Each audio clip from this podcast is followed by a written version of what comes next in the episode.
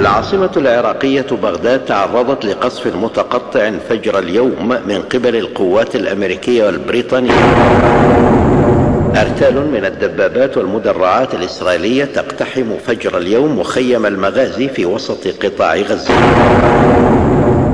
هذا الواقع وتلك المآسي لم تحصل بين عشية وضحاها. إنه حصاد سنين عديدة. وأزمنة متطاولة. مآسي المسلمين. فرصة لتقرير حقائق الولاء والبراء. والقضاء والقدر. والتوكل واليقين. مآسي المسلمين. فرصة لبناء جسور الأخوة المقطوعة بين الأمة. وترميم ما أورثته الحزبيات والصراعات الجاهلية. وإن استنصروكم في الدين فعليكم النصر. صدى التقوى بالرياض. تقدم معالم في التعامل مع مآسي المسلمين. والتفاعل الحقيقي مع الحدث هو تفاعل الإنسان بكيانه كله بعاطفته وعقله بماله وبدنه فكره ورأيه وحين يعلو جانب على حساب آخر يطيش الميزان ويضطرب معالم. التعريف بأخبارهم وأحوالهم. معالم. جمع المال لمن يحتاجه منهم. معالم. مصادر لنوائب المسلمين. معالم. الحوار والنقاش في قضايا المسلمين وهم. معالم. توجيههم بالرأي والمشورة. معالم. ونوته في النوازل للمستضعفين من المسلمين. نسألك أن تكتب النصر والعزة والتمكين للمسلمين. اللهم انصر عبادك المؤمنين.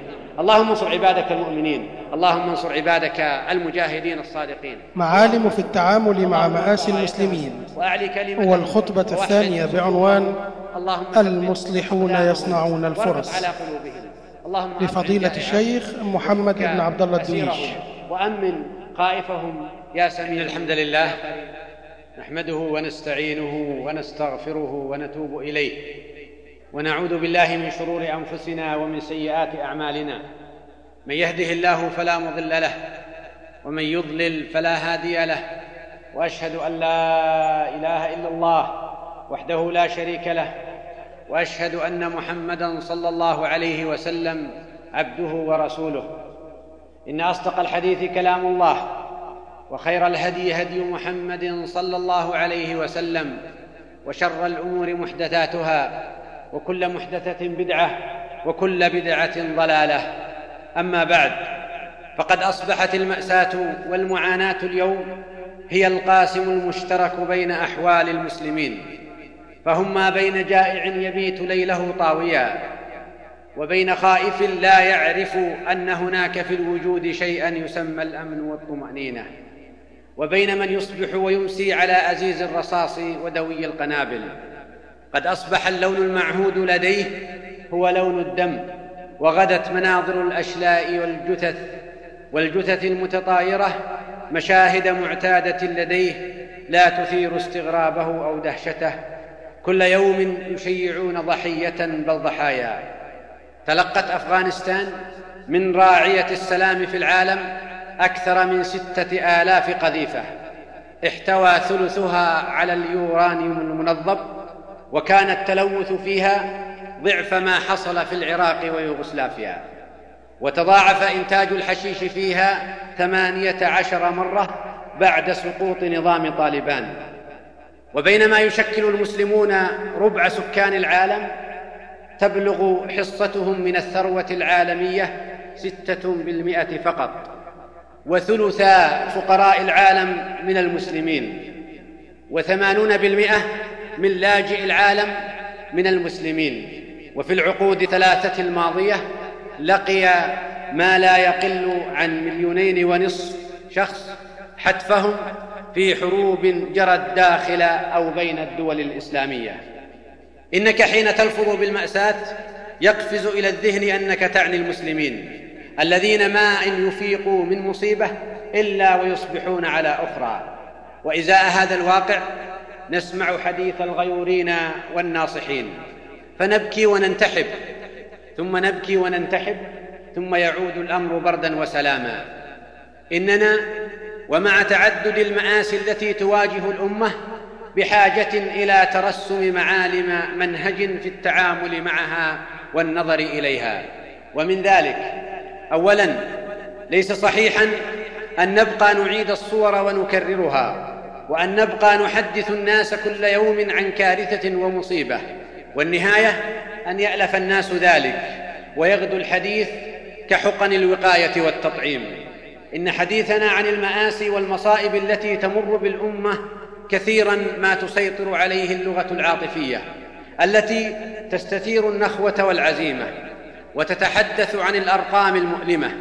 نعم إن العاطفة لم تخلق عبثا والقلوب التي لا تحركها مصائب الأمة قلوب جامدة والنفوس التي لا تتفاعل مع الواقع نفوس مريضة أنانية تعيش لنفسها وتهمها مصالحها.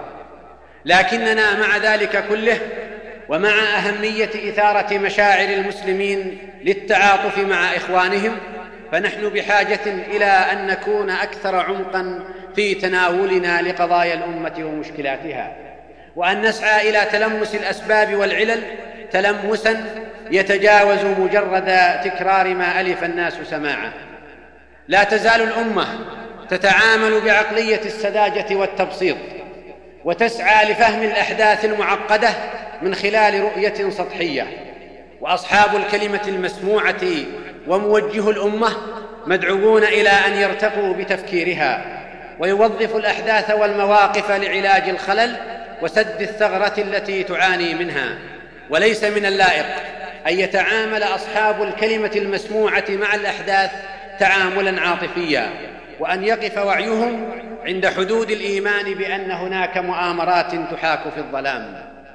إننا نعاني خللا في الوعي وسطحية في التحليل وقصورا في النظر في ظل عصر لا مكان فيه للضعفاء والبلهاء.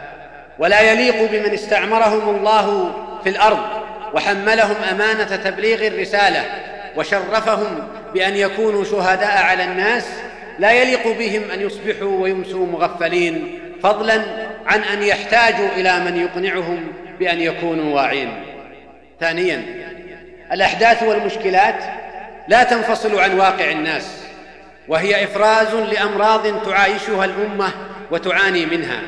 ومن ثم فهي بقدر ما تستثير فينا المشاعر للتعاطف مع إخواننا والتألم لآلامهم فهي تكشف لنا امراضا وعللا كانت تحجبنا عنها الأوضاع الهادئة المستقرة. وفي التنزيل أولما أصابتكم مصيبة قد أصبتم مثليها قلتم أن هذا قل هو من عند أنفسكم. وما أصابكم من مصيبة فبما كسبت أيديكم ويعفو عن كثير. فما أجدر الغيورين والناصحين أن يجعلوا من الأحداث نذير خطر لأمتهم.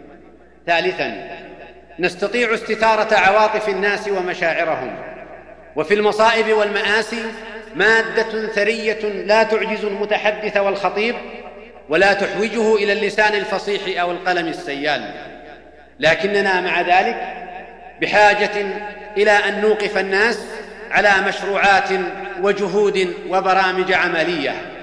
برامج يطبقها الصغير والكبير ويقوم بها الرجل والمرأة. إننا أمام تحد يتجاوز النحيب والبكاء أو التفاعل العاطفي ويسعى للانطلاق والعمل فالشعور الحي الصادق ما وقر في القلب وصدقته الأعمال. وحين تستثار النفوس وتتفاعل المشاعر فالناس أكثر تهيئا لأن يعملوا عملا ذا بال ويخطوا خطوات ذات أثر والمأمول من أصحاب الكلمة المسموعة أن يضعوا أقدام الناس على معالم الطريق وأن يرشدوهم إلى ما يعملون. رابعا الأحداث ليست نموذجا شاذا بل هي جزء من نسيج الأمة وواقعها ولن نفهمها فهما صحيحا حين نفصلها عن واقعنا. وفي المقابل فلن يتأتى الحل بعيدا عن حل القضية الكبرى ولن يكون الحل إلا جزءا من مشروع الإصلاح الشامل. فلنوظف الأحداث لحشد الأمة إلى مشروع التغيير والإصلاح الذي يرتقي بها. وهو مشروع لن يطيق حمله فئة ممن يتحدثون فيرجع إليهم صدى حديثهم. ولن ينهض ما لم تتفاعل معه الأمة ويتجاوز إطار الاهتمام الشخصي والفردي. خامسا هذا الواقع وتلك المآسي لم تحصل بين عشية وضحاها. إنه حصاد سنين عديدة وأزمنة متطاولة والذي يدرك سنن الله في التاريخ لن يتطلع للتغيير من خلال وثبة عاجلة أو بين يوم وليلة.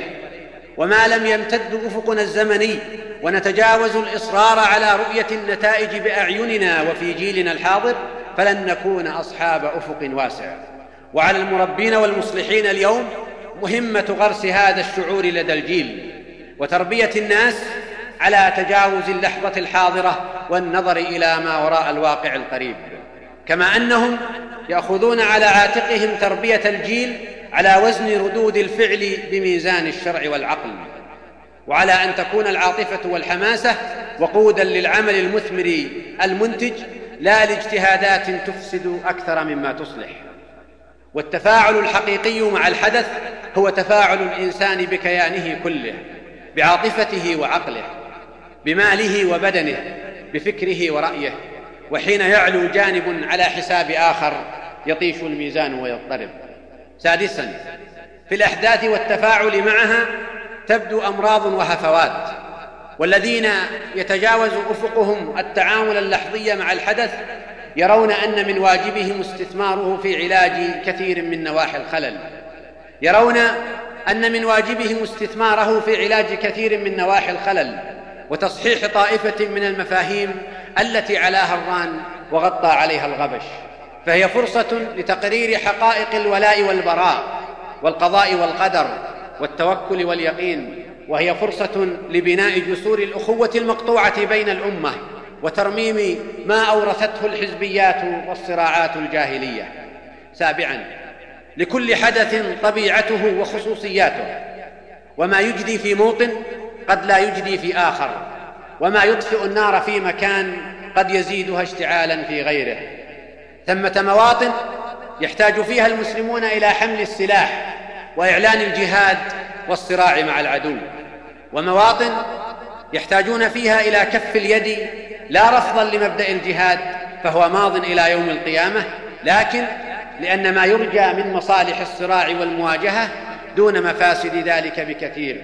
والله تعالى لم يشرع الجهاد لمجرد أن تراق الدماء بل لتعلو كلمة الله ويكون الدين له عز وجل.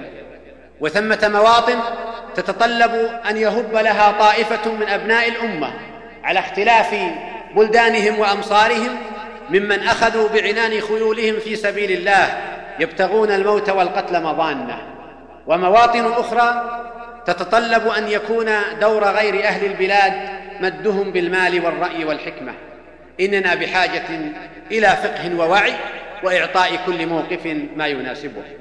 ثامنا الأحداث المتسارعة والمتلاحقة قد لا يتفق على تفسيرها العقلاء وقد لا تلتقي الآراء والأفهام حول موقف واحد في تسويغ عمل أو ردة فعل.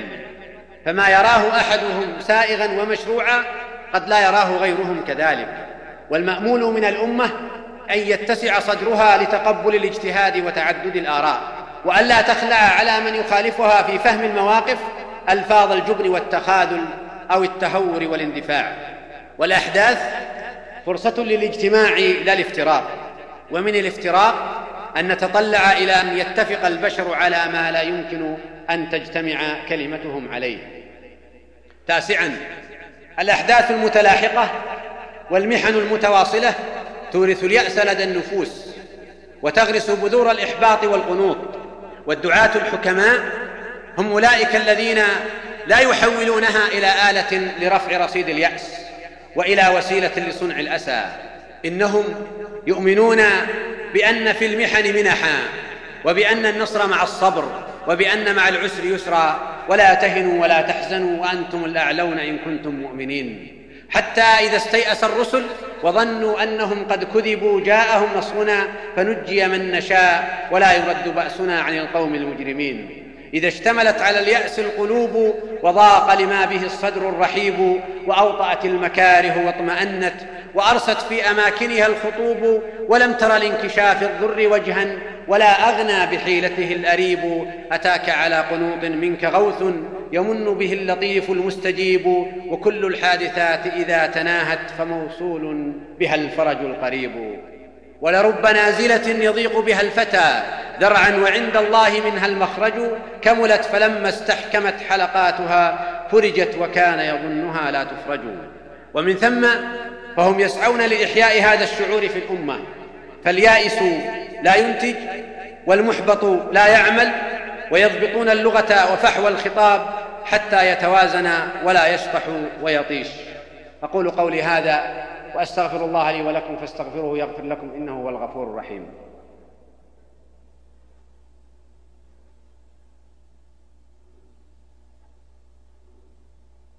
الحمد لله رب العالمين. والصلاة والسلام على خير الخلق أجمعين نبينا محمد وعلى آله وصحبه ومن سار على سنته واقتفى أثره إلى يوم الدين. أما بعد فإن التفاعل مع قضايا الأمة وهموم المسلمين ليس مجرد ثقافة سياسية أو انشغال بما لا يعنيه بل هو أثر من آثار الإيمان. في البخاري من حديث أبي موسى الأشعري رضي الله عنه عن النبي صلى الله عليه وسلم قال المؤمن للمؤمن كالبنيان يشد بعضه بعضا ثم شبك بين أصابعه. وفي الصحيحين ترى المؤمنين في تراحمهم وتوادهم وتعاطفهم كمثل الجسد. إذا اشتكى عضوا تداعى له سائر جسده بالسهر والحمى. وفي رواية لمسلم المسلمون كرجل واحد. إن اشتكى عينه اشتكى كله وإن اشتكى رأسه اشتكى كله. قال القاضي عياض فتشبيه المؤمنين بالجسد الواحد تمثيل صحيح وفيه تقريب للفهم وإظهار للمعاني في الصور المرئية وفيه تعظيم حقوق المسلمين والحظ على تعاونهم وملاطفة بعضهم بعضا. وقال ابن أبي جمرة شبه النبي صلى الله عليه وسلم الإيمان بالجسد وأهله بالأعضاء لأن الإيمان أصل وفروعه التكاليف فإذا أخل المرء بشيء من التكاليف شأن ذلك الإخلال بالأصل وكذلك الجسد أصل الشجرة وأعضاؤه كالأغصان. فإذا اشتكى عضو من الأعضاء اشتكت الأعضاء كلها. كالشجرة إذا ضرب غصن من أغصانها اهتزت الأغصان كلها بالتحرك والاضطراب. ومن معالم تعامل المصطفى صلى الله عليه وسلم مع الأحداث قنوته في النوازل للمستضعفين من المسلمين. فقد قنت صلى الله عليه وسلم لبعض من استضعفوا من أصحابه. فروى البخاري ومسلم عن أبي هريرة رضي الله عنه قال بين النبي صلى الله عليه وسلم يصلي العشاء إذ قال سمع الله لمن حمده. ثم قال قبل أن يسجد اللهم نج عياش ابن أبي ربيعة. اللهم نج سلمة بن هشام. اللهم نج الوليد بن الوليد.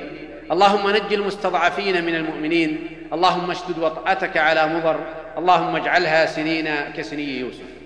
وحين أصيب طائفة من أصحابه صلى الله عليه وسلم حزن عليهم وقانت يدعو على أعدائهم.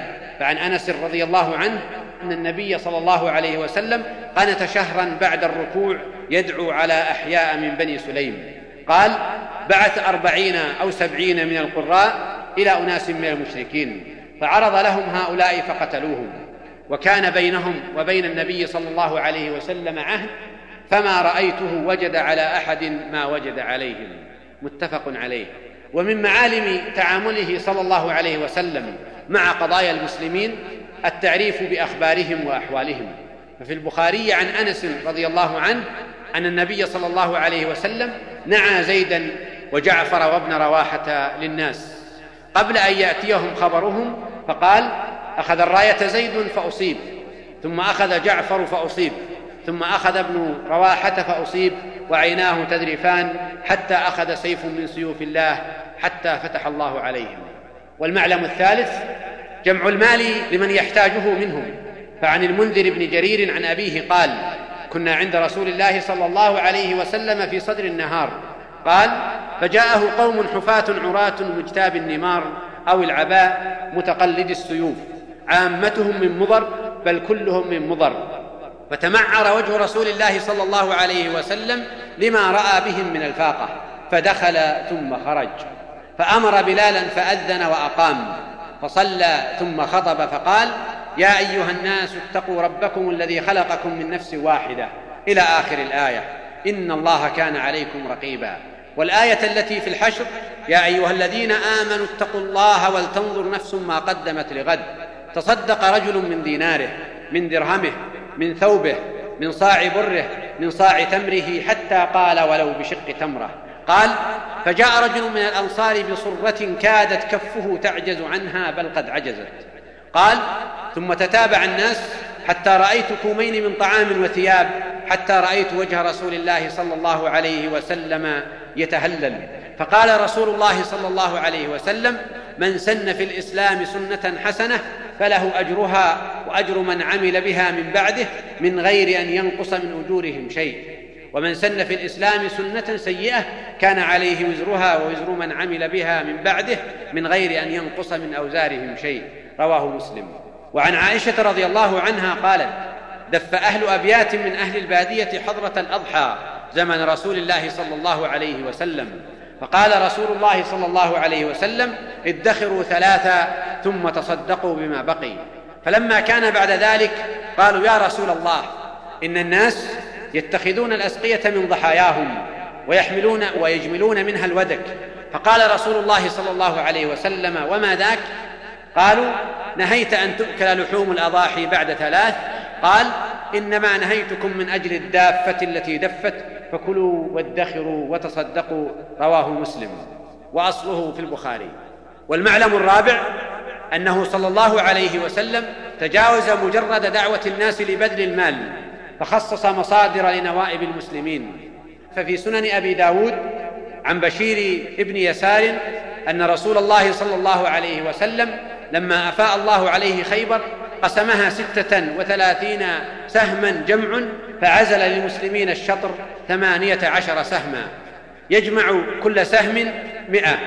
النبي صلى الله عليه وسلم معهم له سهم كسهم أحدهم.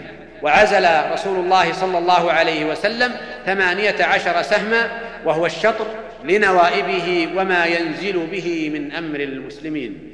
فكان ذلك الوطيح والكتيبة والسلالم وتوابعها وهي أسماء لحصون كانت هناك. فلما صارت الأموال بيد النبي صلى الله عليه وسلم والمسلمين لم يكن لهم عمال يكفونهم عملها فدعا رسول الله صلى الله عليه وسلم اليهود فعاملهم. والمعلم الخامس الحوار والنقاش في قضايا المسلمين وهمومهم. عن عمر بن الخطاب رضي الله عنه قال كان رسول الله صلى الله عليه وسلم يسمر عند أبي بكر الليلة كذلك في الأمر من أمر المسلمين وأنا معهم. رواه أحمد والترمذي وابن ماجه. والمعلم السادس توجيههم بالرأي والمشورة. ولو بلغة لا يفهمها إلا العاقل الفطن.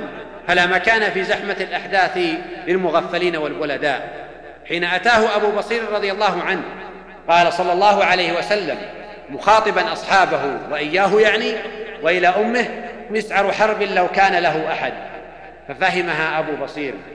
فهمها أبو بصير والمستضعفون من المؤمنين ففروا من قومهم حتى ألجأوا قريشا إلى أن تسعى لنقض الشرط الذي أصروا على بقائه.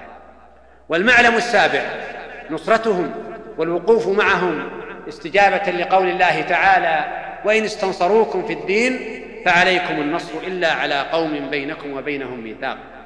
وحين استنصره داعي خزاعة بقوله يا رب إني ناشد محمدا حلف أبينا وأبيه الاتلدا فانصر هداك الله نصرا أبدا وادع عباد الله يأتوا مددا إن قريشا أخلفوك الموعدا ونقضوا ميثاقك المؤكدا هم بيتونا بالوتير هجدا وقتلونا ركعا وسجدا وزعموا أن لست أدعو احدا وهم اذل واقل عددا.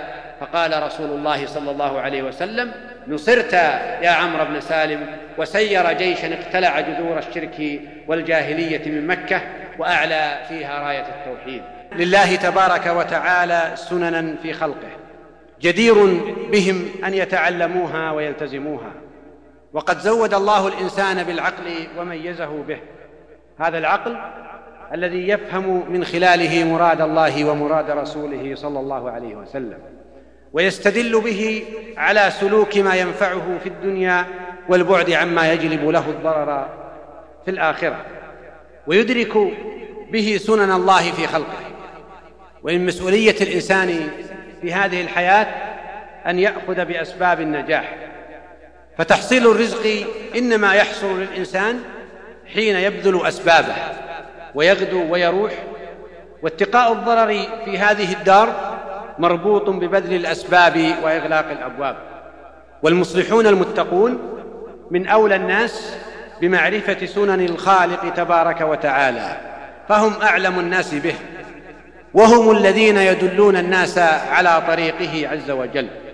لقد شرف الله تبارك وتعالى عباده أن أوكل لهم مهمة نصر الدين وإقراره في دنيا الناس فهم المكلفون بالأخذ به في ذوات أنفسهم والمكلفون ببيانه للناس وتعليمهم إياه إن الذين يكتمون ما أنزلنا من البينات والهدى من بعد ما بيناه للناس في الكتاب أولئك يلعنهم الله ويلعنهم اللاعنون إلا الذين تابوا وأصلحوا وبينوا فأولئك أتوب عليهم وأنا التواب الرحيم. وهم الحاملون مشعل الدعوة والساعون لإنقاذ الناس من الظلمات إلى النور قياما بالواجب الشرعي وسيرا في طريق الأنبياء والمرسلين. إن المصلح الجاد ليس هو ذاكم الذي اختار طريق الإصلاح ليزداد من الخير فحسب أو هو الذي يملك قدرا من الفراغ يريد قضاءه فيما ينفع ويفيد. إنه فوق ذلك كله رجل ملأ عليه هذا الهدف جوانحه وسيطر على حياته فصار يصبح ويمسي وهو يعيش هذا الهم قائما وقاعدا صحيحا ومريضا في رخاء أو شدة وفتور أو عزيمة. يستطيع كل إنسان أن يقدم خيرا للناس وأن يأمر وينهى لكن أن يكون مصلحا يسهم في تغيير الواقع فالأمر أكبر من ذلك كله. ها هو أول المرسلين نوح عليه السلام. يشكو قومه لربه ويذكر ما عاناه في دعوتهم. قال رب إني دعوت قومي ليلا ونهارا. فلم يزدهم دعائي إلا فرارا. وإني كلما دعوتهم لتغفر لهم جعلوا أصابعهم في آذانهم واستغشوا ثيابهم وأصروا واستكبروا استكبارا. ثم إني دعوتهم جهارا ثم إني أعلنت لهم وأسررت لهم اسرارا وهذا الجهد والتنويع في وسائل الخطاب لم يقف لدى نوح عند تلك اللحظة التي يراها بعينه بل امتد ليتجاوز الجيل الذي يعايشه. يأمل نوح عليه السلام في ذرية هؤلاء المستكبرين أن يستجيبوا. فقال لربه عز وجل إنك إن تذرهم يضلوا عبادك ولا يلدوا إلا فاجرا كفارا. وهي الكلمة التي قالها صلى الله عليه وسلم حين آذاه قومه قال لعل الله أن يخرج من أصلابهم من يعبد الله عز وجل. وحين يعيش المصلح بهذه العزيمة ويمضي بهذه الروح فسيوظف إمكاناته وقدراته في تحقيق هذا الهدف والوصول إليه. فحين يغلق دونه باب سيفتح آخر وحين ينقطع به طريق يشق غيره وحين يفشل في تجربة يجرب أخرى. أيها الإخوة الكرام إننا نعيش في عصر تتسارع فيه خطى التغيير والتطور والريادة العلمية والتقنية اليوم هي لأهل الباطل والفجور. لذا فسيكون العصر مرآة لثقافة أولئك وحضارتهم. لقد اسهم التطور الهائل في وسائل الاتصال في كسر الحواجز بين المجتمعات وتذويب الفوارق بين الأمم. فما يقال في الشرق يتردد صداه في الغرب وما يعرض هناك يشاهد ها هنا. ومن غير المستنكر أن يسعى المفسدون الأفاكون لنشر ثقافتهم وإعلاء حضارتهم وأن يوظفوا نتاج التقنية في تحقيق هذه الرسالة. حينها ماذا يفعل من اختارهم الله لهداية البشرية وشرفهم بالوسطية والشهادة على الناس؟ أيبقون يتسابقون في نعي الأمة وندب واقعها؟ أم يتبارون في غرس مزيد من اليأس والإحباط لدى أبنائها؟ أم يعيشون العصر بعقلية ما قبل التاريخ؟ أيها الإخوة الكرام إننا نعيش اليوم عصرا لا مكان فيه للضعفاء ولا مجال لليائسين المحبطين. إنه عصر القوة. القوة التي اختلفت فيها كفة الميزان فثقلت قوة العلم والمعرفة على حساب قوة البدن والبطش. وتحديات العصر تفرض علينا أن نغير من تفكيرنا وعقولنا لنكون عند مستوى التأثير. إن ضخامة متطلبات التغيير لن تواجه ببذل المزيد من الجهد البدني فحسب ولا بزيادة رصيدنا في من يتحدثون ويخطبون. إنما تواجه بعقول تعيش تحديات عصرها. فلن ينجح في زحمة هذا العصر ومتغيراته إلا من يملك الروح الإيجابية المنتجة. والقطار لن ينتظر الذين يسيرون ببطء ويتطلعون أن يفتح لهم الطريق. وبقدر ما تتسارع المتغيرات وتتعقد عناصر الحياة تزداد الفرص. فالحياة أوسع من أن يتحكم بها حفنه من البشر. والميدان لم يعد ذلك الذي يسيطر عليه فئة دون أخرى. ولن يكون بمقدور كائن من البشر أن يرسم الخطوط والحدود للناس فيما يأتون ويذرون. فالمصلح الإيجابي هو من يسعى لاغتنام الفرص حين تتاح أمامه. وله أسوة بامام المصلحين صلى الله عليه وسلم. فقد كان هذا شأنه وديدنه. كان صلى الله عليه وسلم ذات يوم مع أصحابه في غزاة. فأقبلت امرأة قد امتلأ ثديها فكانت تتلقف الصبيان ترضعهم.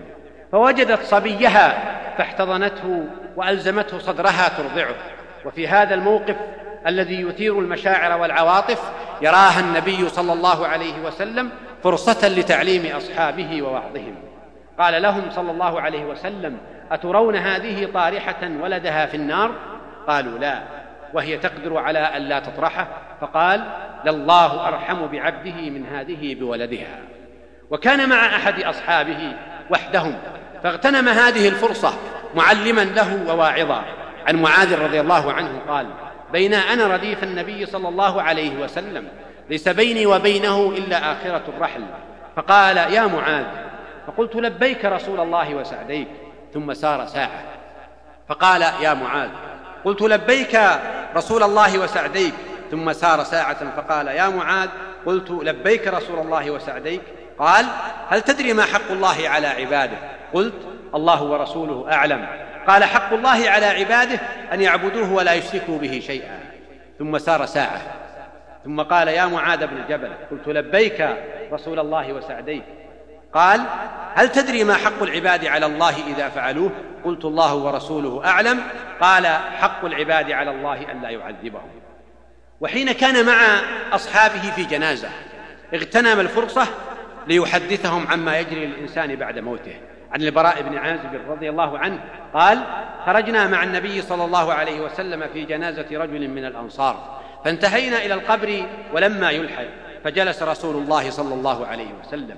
وجلسنا حوله وكأن على رؤوسنا الطير وفي يده عود ينكت في الأرض فرافع رأسه وقال استعيذوا بالله من عذاب القبر مرتين أو ثلاثة. ثم قال إن العبد المؤمن إذا كان في انقطاع من الدنيا وإقبال من الآخرة نزل إليه ملائكة من السماء بيض الوجوه كأن وجوههم الشمس معهم كفن من أكفان الجنة وحنوط من حنوط الجنة. إلى آخر الحديث. إن الذين يثمنون الفرص لا يقف الأمر لديهم عند مجرد اغتنامها حين تتاح. بل هم يبادرون لأنهم يدركون أن الفرص قد لا تدوم. وقد أوصى صلى الله عليه وسلم أمته بذلك فقال اغتنم خمسا قبل خمس حياتك قبل موتك وصحتك قبل سقمك وفراغك قبل شغلك وشبابك قبل هرمك وغناك قبل فقرك. وها هو يوسف عليه السلام حين عبر رؤيا السلطان وأخبر أنهم أمام سبع سنين من الرخاء وسبعا من الشدة أمرهم أن يغتنموا فرصة الرخاء ليدخروا لسني الجفاف. والمصلح الإيجابي يتجاوز الأمر لديه مجرد اغتنام الفرص التي تتاح له. ليبحث عنها ويفتش. وها هو صلى الله عليه وسلم في سيرته. يغتنم فرصة اجتماع قومه ليدعوهم ويبحث عن فرص أخرى ليدعو غيرهم. في سيرته صلى الله عليه وسلم أقام رسول الله صلى الله عليه وسلم بمكة ثلاث سنين من أول نبوته مستخفيا ثم أعلن في الرابعة. فدعا الناس إلى الإسلام عشر سنين. يوافي الموسم كل عام يتبع الحاج في منازلهم وفي المواسم بعكاظ ومجنة وذي المجاز يدعوهم إلى أن يمنعوه حتى يبلغ رسالات ربه ولهم الجنة فلا يجد أحدا ينصره ولا يجيبه حتى إنه ليسأل عن القبائل ومنازلها قبيلة قبيلة ويقول يا أيها الناس قولوا لا إله إلا الله تفلحوا وتملكوا بها العرب وتذل لكم بها العجم فإذا آمنتم كنتم ملوكا في الجنة. وأبو لهب وراءه يقول لا تطيعوه فإنه صابئ كذاب. فيردون على رسول الله صلى الله عليه وسلم أقبح الرد ويؤذونه ويقولون أسرتك وعشيرتك أعلم بك حيث لم يتبعوك وهو يدعوهم إلى الله ويقول اللهم لو شئت لم يكونوا هكذا. ويرحل صلى الله عليه وسلم إلى الطائف يعرض نفسه عليهم لعل الله أن يفتح قلوبهم للهداية. فيعود مهموما إلى مكة. إنه لم يبق أمام الكعبة ليحدث أصحابه عن تامر قريش وأئمة الكفر على الدعوة. ولم يبقى ليكرر لهم المآسي في إعراض الناس عن الاستجابة لدعوة التوحيد وولوغهم في أوحال الشرك والوثنية. وحين لا يجد المصلح فرصة سانحة أمامه ويفتش يمنة ويسرة فإنه يسعى لأن يوجد فرصة. فالحاجة أم الاختراع. ولن تعجز عقول المصلحين عن أن تهيئ الفرص وتوجدها.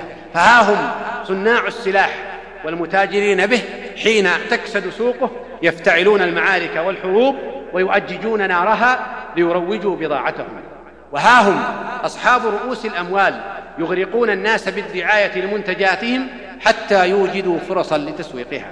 وقديما كان الصياد حين لا تتاح له فرصة اجتماع الطير يلقي له طعما حتى يجتمع فيصيده والمؤسسات الاقتصادية اليوم تنفق الملايين على أولئك الذين يفكرون بخطط تنهض بها وتطورها ويرون أنهم يربحون من تلك الملايين التي تنفق على ابتكار أفكار والبحث عن فرص جديدة.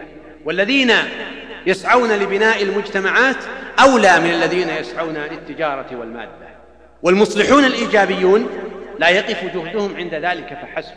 بل هم يبحثون في المواقف السيئة ومن بين الصور المظلمة يبحثون عن النور والضياء. إنهم حين تحل المحن والنكبات وحين يتشاءم الناس مما أمامهم يلتمسون الصور المشرقة ويبحثون عن الثغرات ليستثمروا الواقع الجديد.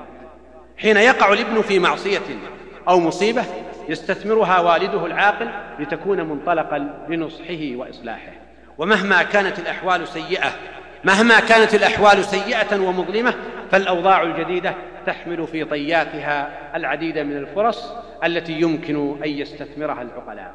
ولو لم يأتي فيها إلا أن الفرج مع الكرب والنصر مع الشدة واليسر مع العسر إذا اشتملت على اليأس القلوب وضاق لما به الصدر الرحيب وأوطأت المكاره واطمأنت وأرست في أماكنها الخطوب ولم تر لانكشاف الضر وجها ولا أغنى بحيلته الأريب أتاك على قنوط منك غوث يمن به اللطيف المستجيب وكل الحادثات إذا تناهت فموصول بها الفرج القريب ولرب نازلة يضيق بها الفتى درعا وعند الله منها المخرج كملت فلما استحكمت حلقاتها فرجت وكان يظنها لا تفرج. أقول قولي هذا وأستغفر الله لي ولكم فاستغفروه يغفر لكم إنه هو الغفور الرحيم.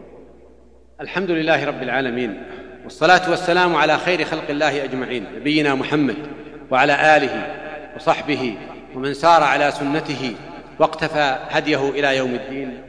أما بعد أيها الإخوة الكرام إن هذه الروح الإيجابية التي تسعى للإنتاج والإنجاز وتبحث عن فرص النجاح وتصنعها هذه الروح لا يمكن أن تعطى تلقينا ولا يمكن أن تصنع لدى الجيل روحا طموحة بمجرد أن تملى عليه. ومن ثم فالمربون المصلحون اليوم يحملون مسؤولية إيجاد جيل الإيجابية والفعالية. ولن يتحقق ذلك حين تكون لغة التشاؤم هي اللغة التي تسود في سوق الوعظ والخطابة. ولا حين تكون مجالس الصالحين الغيورين تنضح بذكر أبواب الفساد وتعداد المعوقات وافتعال العوائق. وحين يعيش النشء على هذه اللغة المتشائمة فكيف نريد منه أن يكون منتجا؟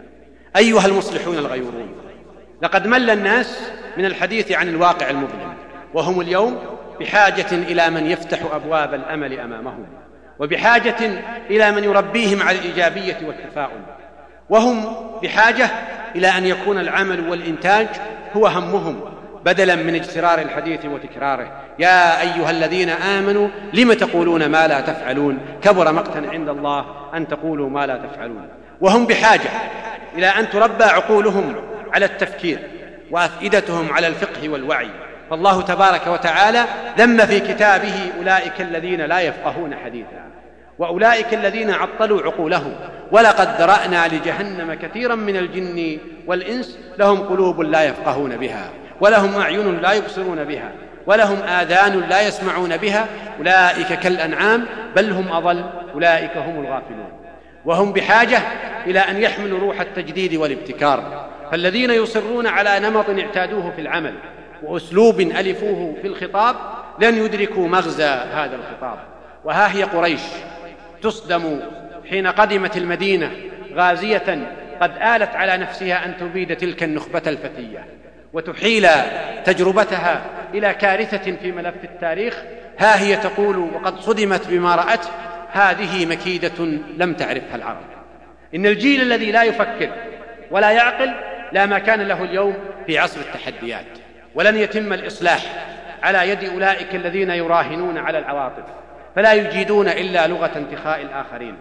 والصوت الأبلغ والأكثر تأثيرا هو القادر على استثمار الفرص وفتح الأبواب التي تبدو للآخرين مغلقة.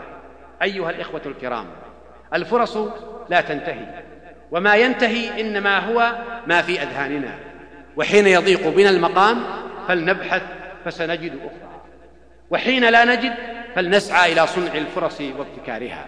وحين تحل الأزمات وتضيق الأبواب فلنبحث بين طياتها فسنرى ثغرات ومنافذ. يمكن أن توظف التوظيف الإيجابي المثمر.